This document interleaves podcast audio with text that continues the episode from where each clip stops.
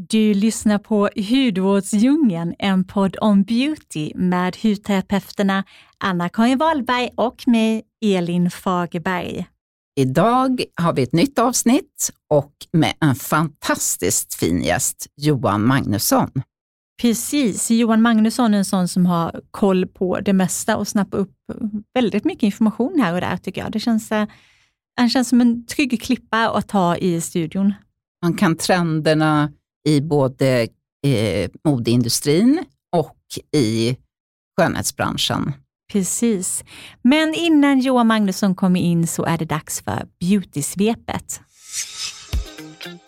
För någon vecka sedan så besökte jag Daisy Beauty Expo, en skönhetsmässa för journalister och influencers inom beauty som brukar vara två gånger per år. Det var jättekul, framförallt att eh, träffa alla härliga kollegor igen. Med på mässan var ganska många utställare, bland annat Reserol, Amica och Dermalogica. Här kommer några spännande nyheter från mässan. Rapid Brows kommer lansera färgningskit för ögonbrynen för hemmabruk så att du kan färga ögonbrynen själv hemma. Dermalogica kommer med en eh, fin peeling med havre som jag tror redan ska finnas ute på salong, som du blandar i eh, din vanliga rengöring. Hudvårdsmärket Born for you visade också upp sina produkter. Jag har testat deras essens tidigare i år, som jag tycker väldigt mycket om och nu ser jag fram emot att testa en eh, nattmask från deras sortiment. Art Deco visade upp en fin eh, julkollektion och vi fick också se hur man bygger upp en egen eh, palett från dem, ögonskuggspalett. Zoe Ayla är ett kanadensiskt märke som är nytt på den svenska marknaden. De visade upp sina redskap för hudvård som till exempel rollers. Four Seasons lanserar Heat Shield i eh, sprayform, ett värmeskydd som även fungerar att använda i torrt hår. Kristin S lanserar sina snygga hårprodukter i Sverige. Amika hade också nyheter. De kommer med en nattmask för håret som du inte behöver skölja ur. Eh, en av mässans stora höjdpunkter var Wet Brush som lanserar en hårborste som är nedbrytbar. Du kan alltså kasta den på komposten efter du har eh, slitit upp den. Och den ger också ifrån sig olika ämnen beroende på vilken borste du använder. Jag blir mest intresserad av en som avger kokosolja, men som inte ger håret fett. Man kan hjälpa till med att motverka friss bland annat. En annan väldigt spännande nyhet kom från Depend. De har tidigare fått kritik kring förpackningen av sin eh, Browlift Illusion som kom i våras, eller om det var vintras. Nu lanserar de en ny förpackning där själva borsten får plats och det kommer även som färgade eh, bryngeléer i samma serie. SG79 var på plats och visade upp fina dofter. De berättade också att det går att beställa doftprover på deras hemsida och att de skickar med proven när du köper ett presentkort. Det tycker jag var väldigt smart. Beesline var ett annat nytt hudvårdsmärke som var på plats på mässan. De verkar bland annat ha fina produkter för bebisar, förutom alla produkter för vuxna. Ett annat nytt märke som också är svenskt är Esterbay Sweden som visade upp en lika ny ansiktsmask som heter Nordic Chill som jag också ser fram emot att testa.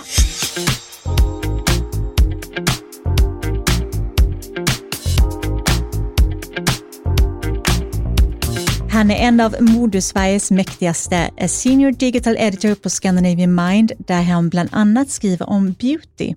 Han sitter i Svenska moderådet och i herrjuryn för Swedish Beauty Awards. En gentleman med förmodligen en av Sveriges snyggaste garderober, älskar slager och är en mästare på kramar. Välkommen till Hudvårdsdjungeln, Johan Magnusson. Tack så mycket, Vilken, vilket intro. Ja, men så rättvist. Verkligen. Jättekul att ha dig här. Så roligt. Vi är jätteglada för att du är här Johan. Kul att vara här den här strålande sommardagen. Ja, verkligen. Men du har länge jobbat i modebranschen, men hur gled du in i skönhetsbranschen undrar vi? Mm, jag får den frågan ganska ofta och jag har ju lite svårt, det är lättare att säga utifrån mitt modeintresse som var innan beautyintresset så är det lättare att prata om hur jag kom in på mode. Men eh, jag skulle tro att jag märkte påtaglig skillnad med olika produkter som jag fick testa eh, kanske för, säg, eh, över tio år sedan. Jag har gjort det här så länge nu, det är därför jag heter, är senior digital editor. så då börjar man ju grotta ner sig och jag tror att, alltså det är ofta får höra när jag är ute och träffar människor i att, alltså utan att prata upp mig själv för mycket, så jag har ju fortfarande en genuin nyfikenhet eh, över att träffa människor, över att mm. upptäcka nya saker och lära mig och sådär. Och eh, jag tror att det går att spinna, spinna ner på mitt hudvårdsintresse också. Men mm. jag, jag, har inte någon så här, då, den produkten, det var då det hände. Men eh, säg eh, för tio år sedan ungefär. Men när du var tonåring, liksom, skötte du om din hud då? Nej, inte mer senare. eller mindre än, äh, än de, andra, utan jag hade ju tonårsakne som alla andra, så det kan jag inte säga att, äh, och det var inte, det, var, det är inte så länge sedan, men äh, det fanns ju inte samma hudvårdsacceptans, acceptans för hudvård bland killar och män på den tiden, utan utvecklingen har ju gått i rasande fart sedan dess. Ja, det har den verkligen gjort mm. och det är vi glada för. Verkligen. Det känns som att det ännu växer också för den delen, alltså, intresset för män. Ja, också att eh, jag brukar också prata en hel del om att jag inte riktigt kan identifiera mig med när stora hudvårdsmärken släpper genuina eller dedikerade herrserier. Jag förstår att de gör det. Eh, killar och män eh, har inte samma kunskap och, och så, men det är synd för att de produkterna tenderar ju att vara kraftigt doftsatta och med betydligt färre aktiva ingredienser. Som, en, som att killar inte förstår sig på och inte kan lära sig själva. Och eh, det tycker jag är tråkigt när man istället inte ser vilken enorm potential som modeindustrin har gjort. Att det finns en gammal siffra, även om den gäller längre, men herrmode ökar dubbelt så fort som dammode eftersom det kommer från lägre nivåer. Mm. Och jag har inga siffror för skönhet eller hudvård, men eh, varumärkena borde ju ta till sig den enorma potentialen som finns. Och det intresset vi ser nu är ju framförallt rotat i storstäder. Mm. Och det finns ju betydligt många män ute i landet och ute i världen som inte har penetrerat så att säga och inte har sålt in på det här magiska som vi håller på med med hudvård. Så potentialen är enorm. Ja, men det är helt sant. Men om man tänker så här, tycker du att det behövs speciella herrserier eller tycker du att vilken produkt som helst, många produkter är ju multifunktionella idag, eh, vilket säger att man, att egentligen, ja, alla ska ju kunna använda den egentligen. Ja, men det är väl ett faktum att män och kvinnor har olika hud och hy. Det går ju inte att komma ifrån. Och jag kan tycka att de här dedikerade herrserierna som jag nämnde fyller en funktion eftersom de kan få män att få upp ögonen för, alltså en dedikerad serie kan göra det lättare att komma in på hudvård och att man sen därifrån kan ta sig vidare. Men jag skulle aldrig rekommendera, jag, jag kan inte rabbla upp på rak arm någon dedikerad herrprodukt från någon her, dedikerad herrserie som jag själv bara, ja men den där. Utan mm. då är det alltid unisexprodukter eller herrprodukter som är ett herrvarumärke och inte, nu säger jag bara, det är varumärket man Mm. Eh, utan då är det ju dedikerade herrprodukter som, eh, som utger sig för att vara herr och inte något eh, i grunden damvarumärke som släpper en här serie. Men jag kommer ihåg i våras så var vi tillsammans på ett eh, pressmöte tillsammans med Kerastas när de lanserade ett, eh, en ny serie som var för män och som min man är väldigt förtjust i, men även jag. Hur är du när det kommer till hårvård? Använder du anpassade produkter för män där eller blandar du där också? Mm, jag skulle nog eh, säga att jag blandar ganska mycket, för där känner jag väl ändå att det finns en poäng med produkter uttalat till herr, för att vi har ju ofta problem med håravfall och, och, och sådär, så där, och, och oftast kortare hår, så att eh, där kan man ju förstå uppdelningen på ett helt annat sätt. Sen, eh, jag gillar ju doft. Jag har inget, det jag nämnde förut om att de är kraftigt doftsatta, de här hudvårdsprodukterna för män. Jag gillar ju också doft, men det kan ju verkligen irritera och torka ut huden eller håret. Och jag har jätteproblem med, själv med min hårbotten som typ 70 procent av alla svenskar. Så då aktar jag mig för kraftigt doftsatta. Så exempelvis den där lanseringen du pratar om, eh, där har jag provat och jag gillar ju doften. Eh, sen är det en serie riktad mot håravfall och där är jag inte än. Nej, det, du är allt annat än där kan ja. vi säga.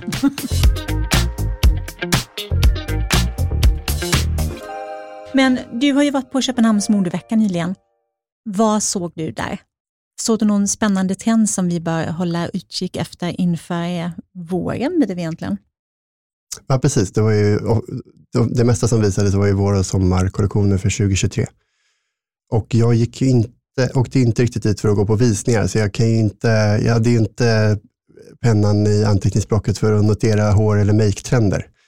Men eh, självklart så, alltså det är just den modeveckan fokuserar enormt mycket på hållbarhet jämfört med flera av sina internationella konkurrenter. De har ju ett, eh, uttal, en uttalad sustainability agenda.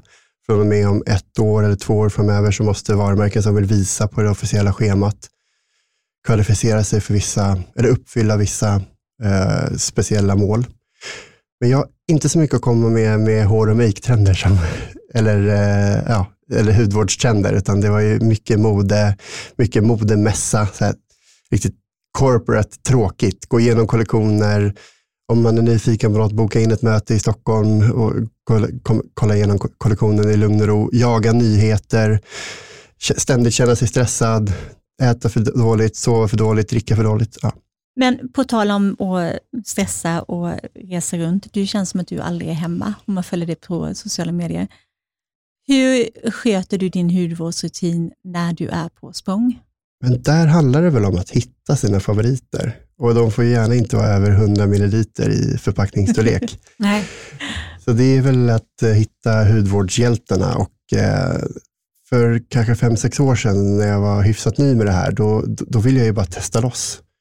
Då märkte ju varumärkena att, och PR-byråerna att eh, det fanns en kille som gillade hudvård och vi är ju tyvärr inte så många som skriver om hudvård som är killar och män. Så då fick jag ju testa väldigt mycket och eh, då ville jag ju bara testa och testa och testa. Men då blir huden väldigt stressad och eh, reagerar på eh, icke angenäma sätt och det är svårt att se resultat av eh, en produkt om man byter eh, varje morgon eller kväll. Så nu har jag lärt mig med åren att amen, håll dig till eh, dina favoriter och, de, och framförallt när man reser. Ta inte med något i necessären eller den här 100 milliliters eller en liters plastpåsen som, som, du inte, som, som, du åker på resan för att testa. Det, det, är väl dumt. Det kan du väl testa i lugn och ro hemma. Mm. Låter klokt. Och sen är det ju, älskar man ju, i det fallet älskar man, och på många andra sätt älskar man ju hur mycket multifunktionella produkter som har kommit att, äh, amen, det är inte längre fem produkter, utan det kan vara två eller tre om man ja. är på resande fot. Så länge man har en bra cleanser, eller hur? Så är det verkligen. Multifunktionella produkter gillar vi. Men en liten fråga, vilka, vilka produkter har du i necessären? Förutom rengöring som vi förstår att du har. På resa, eller vi kan lika gärna översätta det till hudvårdsrutin, mm så har jag ju strippat ner från eh, någonting K-beauty-liknande i 11-12 steg, vilket det inte var, men det kändes så ibland, mm. eh, till ja, men, 4-5. Eh, och, eh, ja, men, det är inget revolutionerande, det är bara sånt som gör att eh, det känns bra. Och jag testar fortfarande jättemycket, men det är bara att jag håller mig till eh, några och byter ut ibland. Liksom. och då är det ju cleanser, ibland toner eller essens, serum, dag eller nattkräm, SPF, ögonkräm. Vad skönt att du sa SPF. Ja, det är det viktigaste. Ja, men jag fick ett eh, wake-up call här med en skin scanning i våras där man kunde se före och efter. Och, eh, ja, jag hade använt SPF innan dess också, men eh, nu, och nu säger jag, nu sprider jag, jag träffar ju väldigt mycket människor och många blir väldigt så här, nyfikna när man börjar prata om hudvård, liksom, att man är intresserad av hudvård. Och det enda jag säger är liksom cleanser och SPF. Mm. Den billigaste anti-age-produkten som finns. Mm. Stämmer till 100 procent. Ja, Vi instämmer. Du var inne på det här med scanner. Kan du utveckla lite vad det var som var så intressant när du gjorde just, antar att du fick testa den här scannern före och efter. Precis, och den första skanningen var ju i vintras, kanske i februari. Och eh, ja, men då såg man ju, ja, men jag hade ju varit en pålitlig retinolanvändare och eh, hudbarriären var ju ganska, jag ska inte säga skadad, men irriterad. Och mycket på grund av vinterkyla också såklart. Så man får ju vara försiktig och sen får man ju välja en snäll retinol om man nu ska ha retinol. Och eh, då såg man ju en irriterad eh, T-zon och ehm, eh, hyperaktiv eller alltså mycket rodnader och sådär på valda ställen. Jag fick eh, rekommenderat eh, produkter från det här varumärket som skulle verka lugnande och som var motsatsen till retinol kan man säga. Ja, men bygga upp hud, hudbarriären igen. Så gjorde jag samma scanning tre månader senare för att se efteråt och eh, då kollade jag och jag var tydligen den som hade störst skillnad jämfört med de olika, bara av, av att men, plocka bort allt för mycket aktiva ingredienser, vara extra noga med SPF, framförallt när vårsolen kommer där, när vi har varit ofta helt oskyddade om vi inte har klämt in någon Thailand-semester där över jul. Och eh, eh verkligen, eh, ja, men det, det, det, var stor skillnad. Men jag, jag kände ändå så här, men det är ju skillnad på ljuset. Det kändes som tv-shop, ni vet så här före och efter, att de hade fejkat. Liksom. Okay. Jag bara, men det måste man väl ta i beaktning ändå, att eh, ja, men det är olika ljus. Jag kollade hudterapeuten på mig och bara, vadå olika ljus? Du, du, du har ju blivit brun. Du har fått en bränna. Ah. Så det var inget fejk. Ja, I så fall var det jag som hade fejkat, men jag gillar inte ens, inte ens brun utan sol, så det var helt naturligt. Intressant.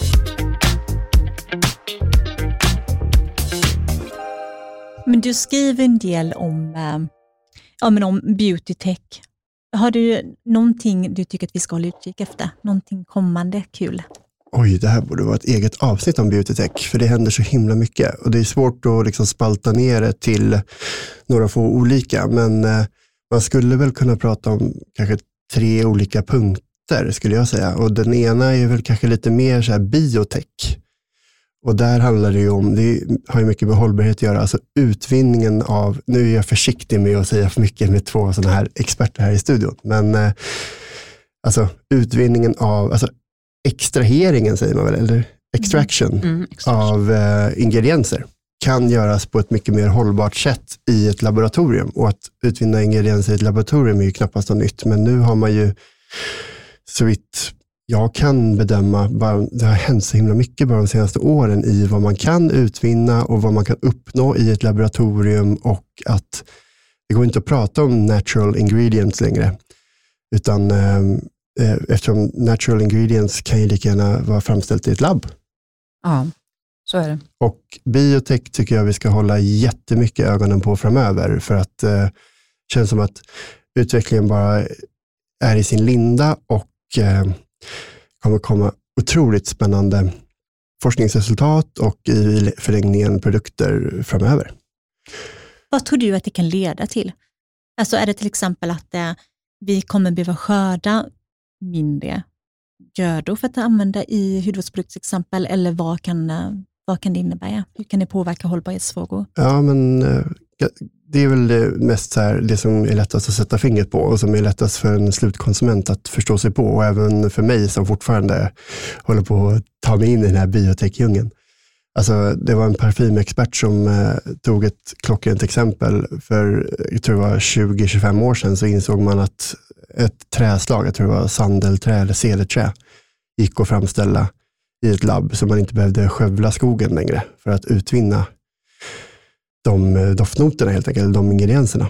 Eh, och det tycker jag liksom säger på ett ganska så här hands down sätt vad, vad det kan innebära. Och eh, ja, men ett sånt märke som Bioterm, jag var på resa med dem i våras och, och de, arbetar de har ju till och med startat samarbete med det maritima museet i Monaco.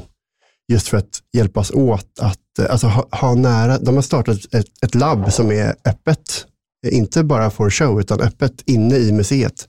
Just för att ha forskarna på det maritima museet, alltså bokstavligen next door. Liksom. Eh, Underbart. Och där är, alltså just kring, kring vatten och vattenlevande organismer, eh, så tror jag att eh, där har vi också bara sett början kring, eh, och, och, och, alltså, nu tycker jag varumärkena pratar mer och mer också om de här okända ingredienserna som vi bokstavligen bara skrapat på ytan i. Vad är, är det på? Vad, vad, vad, är det som döljer sig där i, i djupen i världshaven egentligen?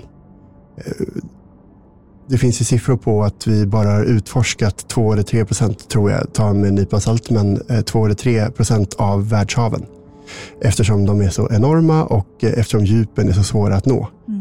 Och eh, det går ju bara, alltså, tanken kittlar ju hur stor potentialen finns i, världs, eh, i de här stora djupen och vilka häftiga eh, organismer som finns där och vad de har för egenskaper. Jag tycker när man pratar om ingredienser som utvinns från, nu har ju ektoin kommit va? Mm. Just blivit det. populärt hos flera varumärken och det är väl härstammar från öknen va? Och då kan vi bara föreställa sig vad som finns i världsdjupen för öknen kan vi ändå nå men eh, medan vi ännu inte har varit så duktiga på att ta oss in, ner i världsdjupen. Det är Det jättespännande. är kittlande. Ja. Superspännande. Om jag får fortsätta. Jag kan Ja, prata du får, mycket som helst. nej, men du får väldigt gärna fortsätta. Alltså det, det var en eh, entreprenör inom Beautytech som, som eh, spaltade ner det i tre stycken eh, typ, ja, men, fokuspunkter, vad Beautytech kommer innebära. Mm. Så det första var personalization, personalisering. Det andra var sustainability och det tredje var eh, performance. Jag tycker det är, det, det är tre punkter som eh, sammanfattar Beautytech ganska väl. Och nu är det ett sånt hypat trendord, vilket betyder att vi kommer se det bara mer och mer i eh, tidningar och magasin, bloggar, so sociala medier. Men även alla startups, för nu kommer ju investerarna eh, inse att ja, men här finns det pengar att tjäna. Och då kommer alla startups över hela världen eh, få väldigt, väldigt mycket kapital och eh, kunna växa. Och vi har verkligen bara sett början på det här och det är det som jag tycker är så kittlande. Jag har skrivit om herrmode i 15 år och det är nu jag känner att nu känner jag mig taggad igen på att, eh, på att skriva. Nej men eh, jag tycker det är kittlande. Men vad innebär de tre du nämnde? Alltså, Personalization och vad det mer var? Precis, det finns ju ett uttryck som heter VTO, Mm. som är Virtual Try-On.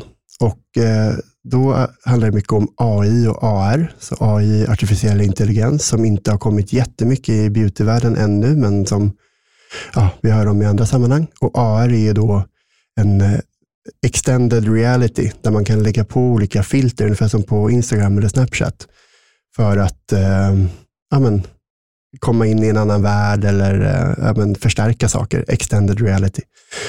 Och eh, Det här kommer ju butikerna kunna använda väldigt lätt, för är det någonting butikerna, återförsäljarna och även e-handlarna vill så är det ju att eh, få till ett personligt möte med kunden. Men i en vanlig, nu säger jag bara Sephora-butik, så är det omöjligt att eh, kunna nå alla kunder och kunna ge personlig service till, eh, till alla.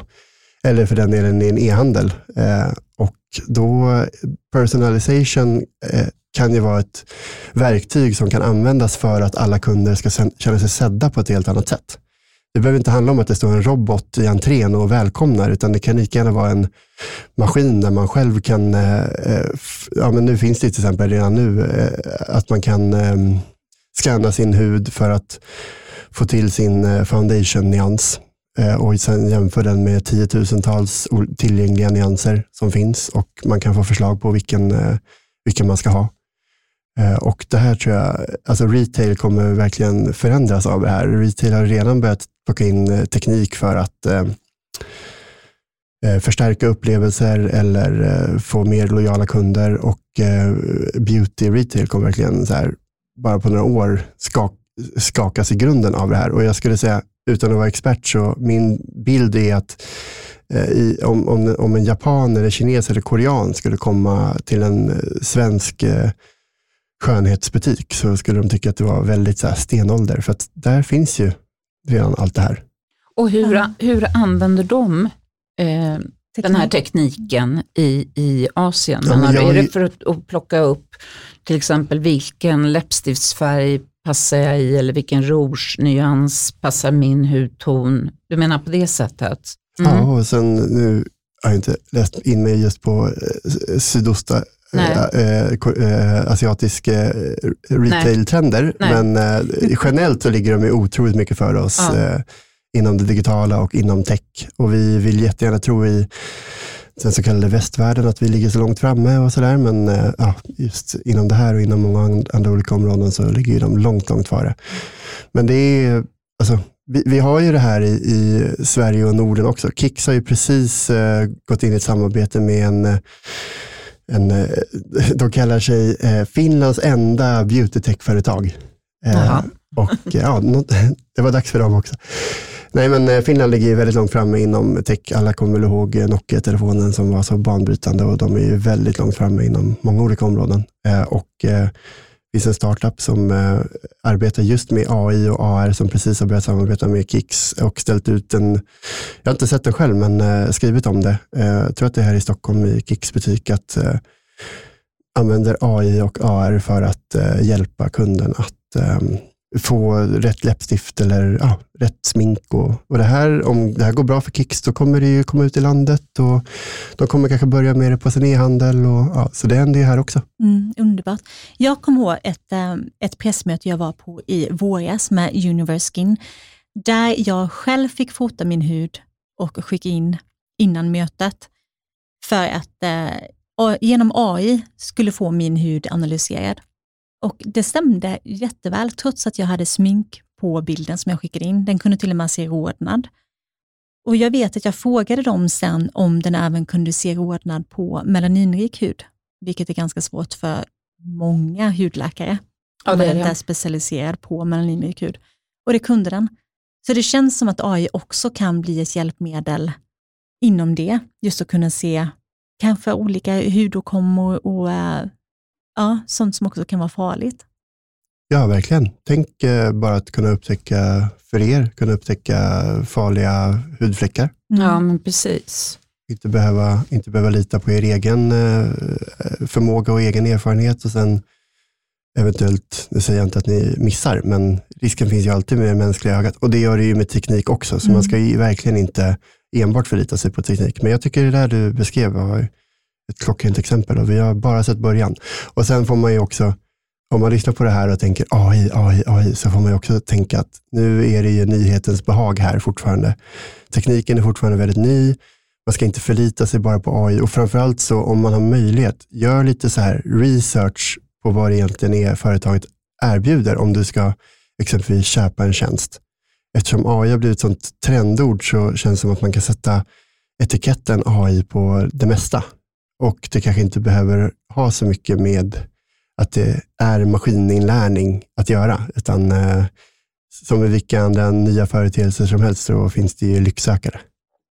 Ja, absolut. Eh, men du nämnde... Nu ska jag inte negga här, men eh, var, ha, var, lite kritiska som, som ni är med allt annat. Ja, det är väl klokt. Men det är ju vi, brukar vi också säga när det gäller hudvårdsbehandlingar och även vissa nya ämnen så kanske man inte alltid måste vara först på bollen heller och testa allting. Utan låta det gå ett par år och låta det utvecklas för det blir ju oftast bara bättre. Mm.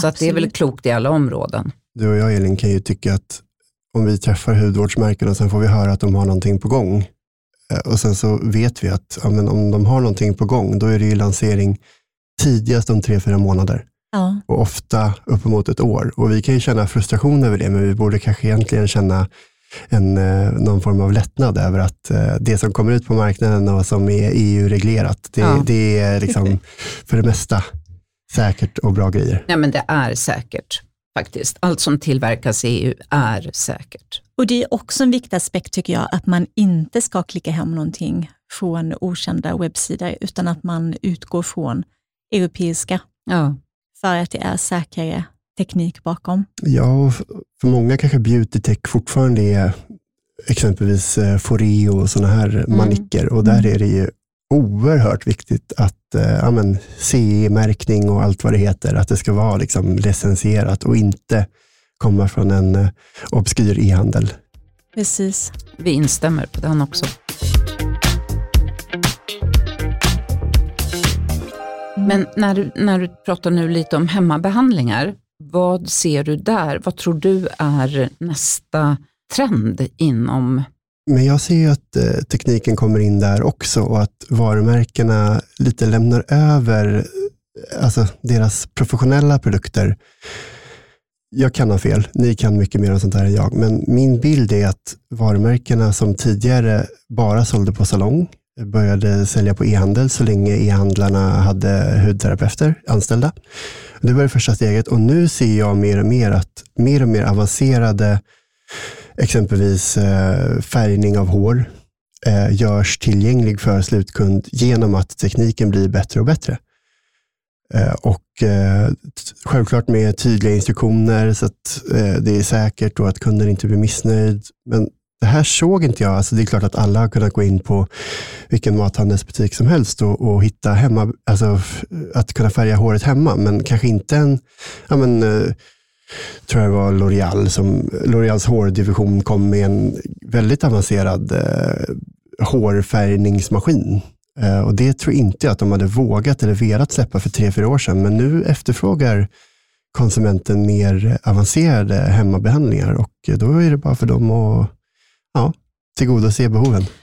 Jag instämmer helt på den och jag tycker jag ser väldigt mycket idag behandlingsmetoder som, som när, under den tiden jag hade klinik, eh, det är några år sedan nu, men de behandlingar som, då, som vi då tyckte gav bäst resultat, som till exempel mikroström, ultraljud, ja, IPL ska man inte köpa kanske med, hemmabruk, men, men idag finns det ju riktigt bra sådana apparater om man köper en dyrare variant ute på marknaden så, så, som faktiskt gör jätteskillnad om man är frekvent. Ja, så jag håller, jag, jag, håller med dig på den. Ja, absolut. Det är väl också i takt med, alltså vi kan mer och mer och eh, vi, vi eh, gränserna förskjuts hela tiden. Vi, vi nöjer oss inte, vi vill testa nya saker. Det är där, därför jag känner så himla många icke-nordiska varumärken som har lanserats i Sverige ända sedan typ senaste finanskrisen. Eller sedan finanskrisen känns det som. För att vi har det gott ställt här och vi är så nyfikna på nya produkter. Och eh, då måste ju varumärkena tillgodose det. Eh, det är bara att hoppas på att de inte gör det för fort och att eh, grejerna är säkra, men de vågar inte heller riskera sitt renommé och släppa ut dåliga saker på marknaden. Så jag tycker det är kul. Mm. Ja, det är så spännande. Verkligen. Använder du någon apparat själv? Ja, men inte frekvent. Tror jag. Jag, jag är väl lite feg. Men jag har väl gått igenom Foreos sortiment och, och testat mig fram och sådär. Men nej, jag jag tycker jag nöjer mig med aktiva ingredienser, förutom retinol. det låter jättebra. Det, det är också, där kan man också se att eh, killar och män, om man får generalisera, tenderar ju verkligen att gilla typ så gadgets. Där finns det också en enorm potential för varumärken som, som vågar att gå, ta steget från rakmaskinen till eh, någonting mer. Och eh, ja, men, ehm, eh, eh när jag var i USA här, gick, brukar jag alltid försöka gå på varuhusen i New York om jag har vägarna förbi New York, lyckligt nog. Och eh, de pratar ju jättemycket på sin... Alltså till, till att börja med så är det kul att varuhusen, de herravdelningarna har dedikerade liksom, beautyavdelningar. Men beautyprodukterna var nästan helt utbytta av sömnprodukter och wellness. Och att eh, ja, men, de här stressade, moderna storstadskonsumenterna. Det, det som, eh, och killar och män då, eller ja, att det de e, efterfrågar uppenbarligen, eller vad var, varuhusen har identifierat, eh, just det här var Bergdorf Goodman, eh, att vad, vad de behöver i det här fallet var ju sömn och hälsa och det kan man ju också appellera på olika maskiner. Mm. Det finns ju hur många träningsmaskiner som helst. Varför kan vi inte varför kan inte killar och män använda eh, maskiner för bättre sömn eller bättre wellness eller bättre skönhetsrutin. Jag ser en enorm eh, potential här. Varsågod för tips, Anna-Karin. Gud så spännande. Otroligt intressant. Ja men verkligen. Men det är så stor marknad också. Men vad, när du var där i New York och, och kikade på den här avdelningen, vilket, vad var det som du tyckte, var det någon apparatur som du tyckte stack ut då? När du pratar sömn, tänker, vad kan det vara till exempel? Ja, just där var det inte så mycket apparater, utan Nej. då var det mer så här mirakelkurer för att ah. uppnå. Utan det, det är mer så här, men, men däremot så finns det ju gott om eh, hjälpmedel för sömn. Jag, jag själv eh, har ju genomgått en utredning för grav sömnapné. Då får man ju, om ni har gjort det någon gång så får man ju sätta på sig så här jättemycket utrustning att sova med eller försöka sova med under en natt som mäter sömnkvaliteten. Och just sånt kanske inte ska göras tillgängligt för en slutkund, för det är en sjukvårdsprodukt. Men eh, jag, tycker, jag tyckte det var spännande, och, även om det var otroligt obekvämt att sova med. Och jag är väldigt glad över att det kunde registrera så mycket. Så jag ser inte, alltså, kolla på Foreo, de har ju verkligen banat väg för eh, eh, techprodukter för hemmabruk. Mm. Men jag, jag har ännu inte sett sådana riktade för killar och män. Nej. Nej, Spännande. just det. Jag tror faktiskt de har gjort någon eh, rengöringsborste som är anpassad för män. Men jag tror att ja, man kan använda vilken som. Det, det, har de, nu när du säger det så har de ju de har också sett potentialen och den släpptes väl för typ tre år sedan så de var väl tidiga även med det. Precis. Men en produkt gör ingen marknad.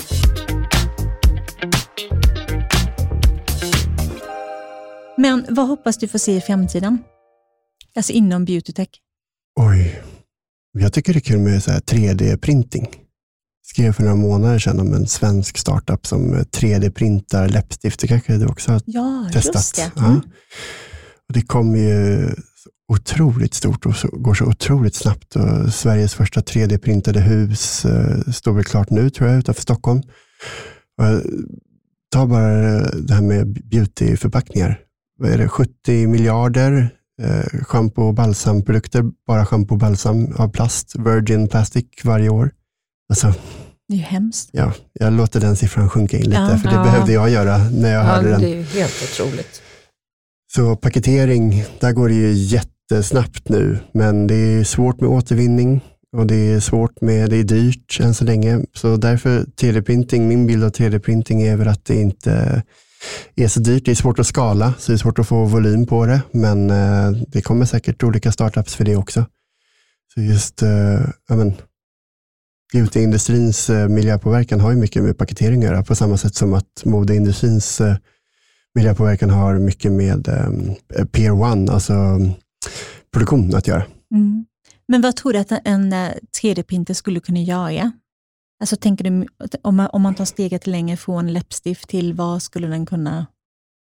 Alltså, min bild av 3D-printing för bara fram till för typ ett par år sedan var ju att men det är sådana här ganska, får man säga fula? Ja, men de är ju ganska karaktäristiska, de eh, eh, mönster som går att göra och det är oftast gjort av ett hållbart eh, material och sådär. Men nu känns det som att det är no limit på vilka material som går att använda till en 3D-printer. Så varför inte börja 3D-printa bioplast?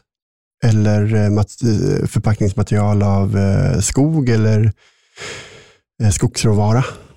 Det låter ju jätte, Jag jättespännande. tycker alltså det är det som gör mig taggad att skriva om beautytech. För att när man börjar luska i det och börjar googla och hit, söker sig vidare så hittar man nya saker. och ah, Många timmar passerar. Nej, men eh, ja, det är en djungel liksom. Men det är, så är det. Det är en omogen marknad. Så många lycksökare som sagt och många startups som har alldeles för mycket kapital från investerare. Men finns det, någon, eh, finns det någon apparat du skulle vilja testa?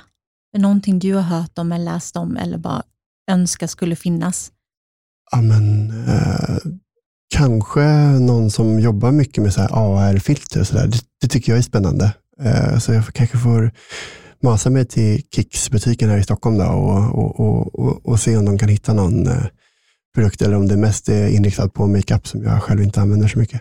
Ja. Eh, Men det tycker jag är spännande, just den här förstärkta verkligheten. Alltså för oss i, i, i vår, vår generation, liksom, det, är, det är svårt att ta in, men kidsen och ungdomarna som växer upp idag, de är ofta i gamingvärlden.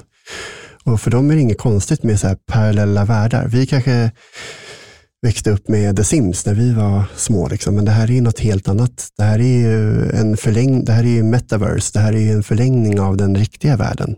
Eh, det är The Sims på steroider. Liksom.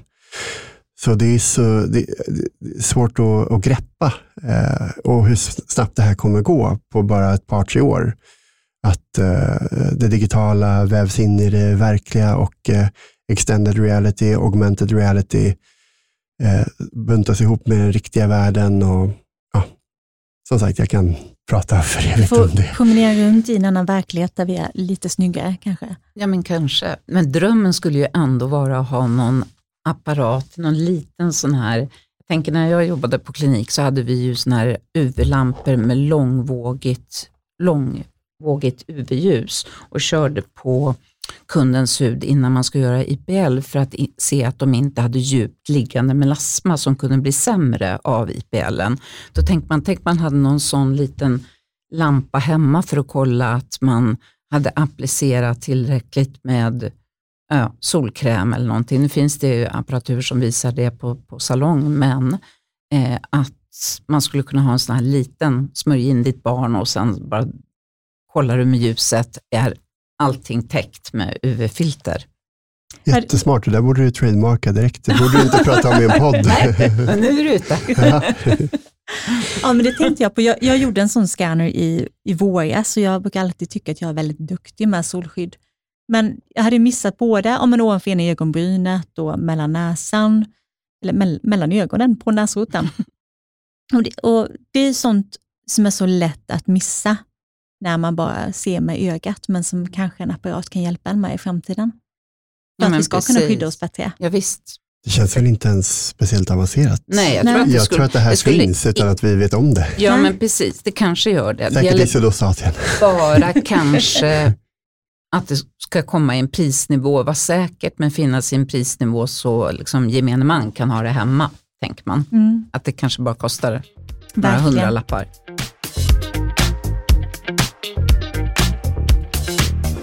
Jättekul och intressant och spännande att höra vad det är som komma skall. Johan Magnusson, tack så hemskt mycket för att du ville komma hit. Tack, ja. det var jättetrevligt. Och dela med dig av din kunskap. Det är alltid kul att sitta i sådana här samtal, för man börjar ju själv reflektera över, ja men just det, där. Och man får ju själv input och kommer på saker. Så. Ja. The pleasure was mine. Uppfinna lite saker. Ja, men precis. Eller hur? Ja, du har alla möjligheter med all information du får. Precis. Ja, men kan ju, är man nyfiken så googla beautytech. Så, men se till att ha några timmar över. Ja, och nörda ner sig. Ja, det, och det går så fort också. Och, och, det är mässor, det är, de här stora mässorna är tillbaka nu, alltså techmässorna efter pandemin. Och där är ju beautymärkena nu närvarande och även techmärkena har ju klart och tydligt eh, börjat med beautyprodukter just för att det finns så mycket pengar att tjäna och sådär. Så att eh, spottas, spottas ut produkter hela tiden. Vil, vilken beautymässa eller vilken techmässa tycker du är mest intressant och givande? Ja, men, jag hade gärna åkt till Las Vegas på CES, alltså CES. Den är väl störst i världen. Mm. Eh, ja, det och, tror jag. Ja, eh, så det står ju på bucket list.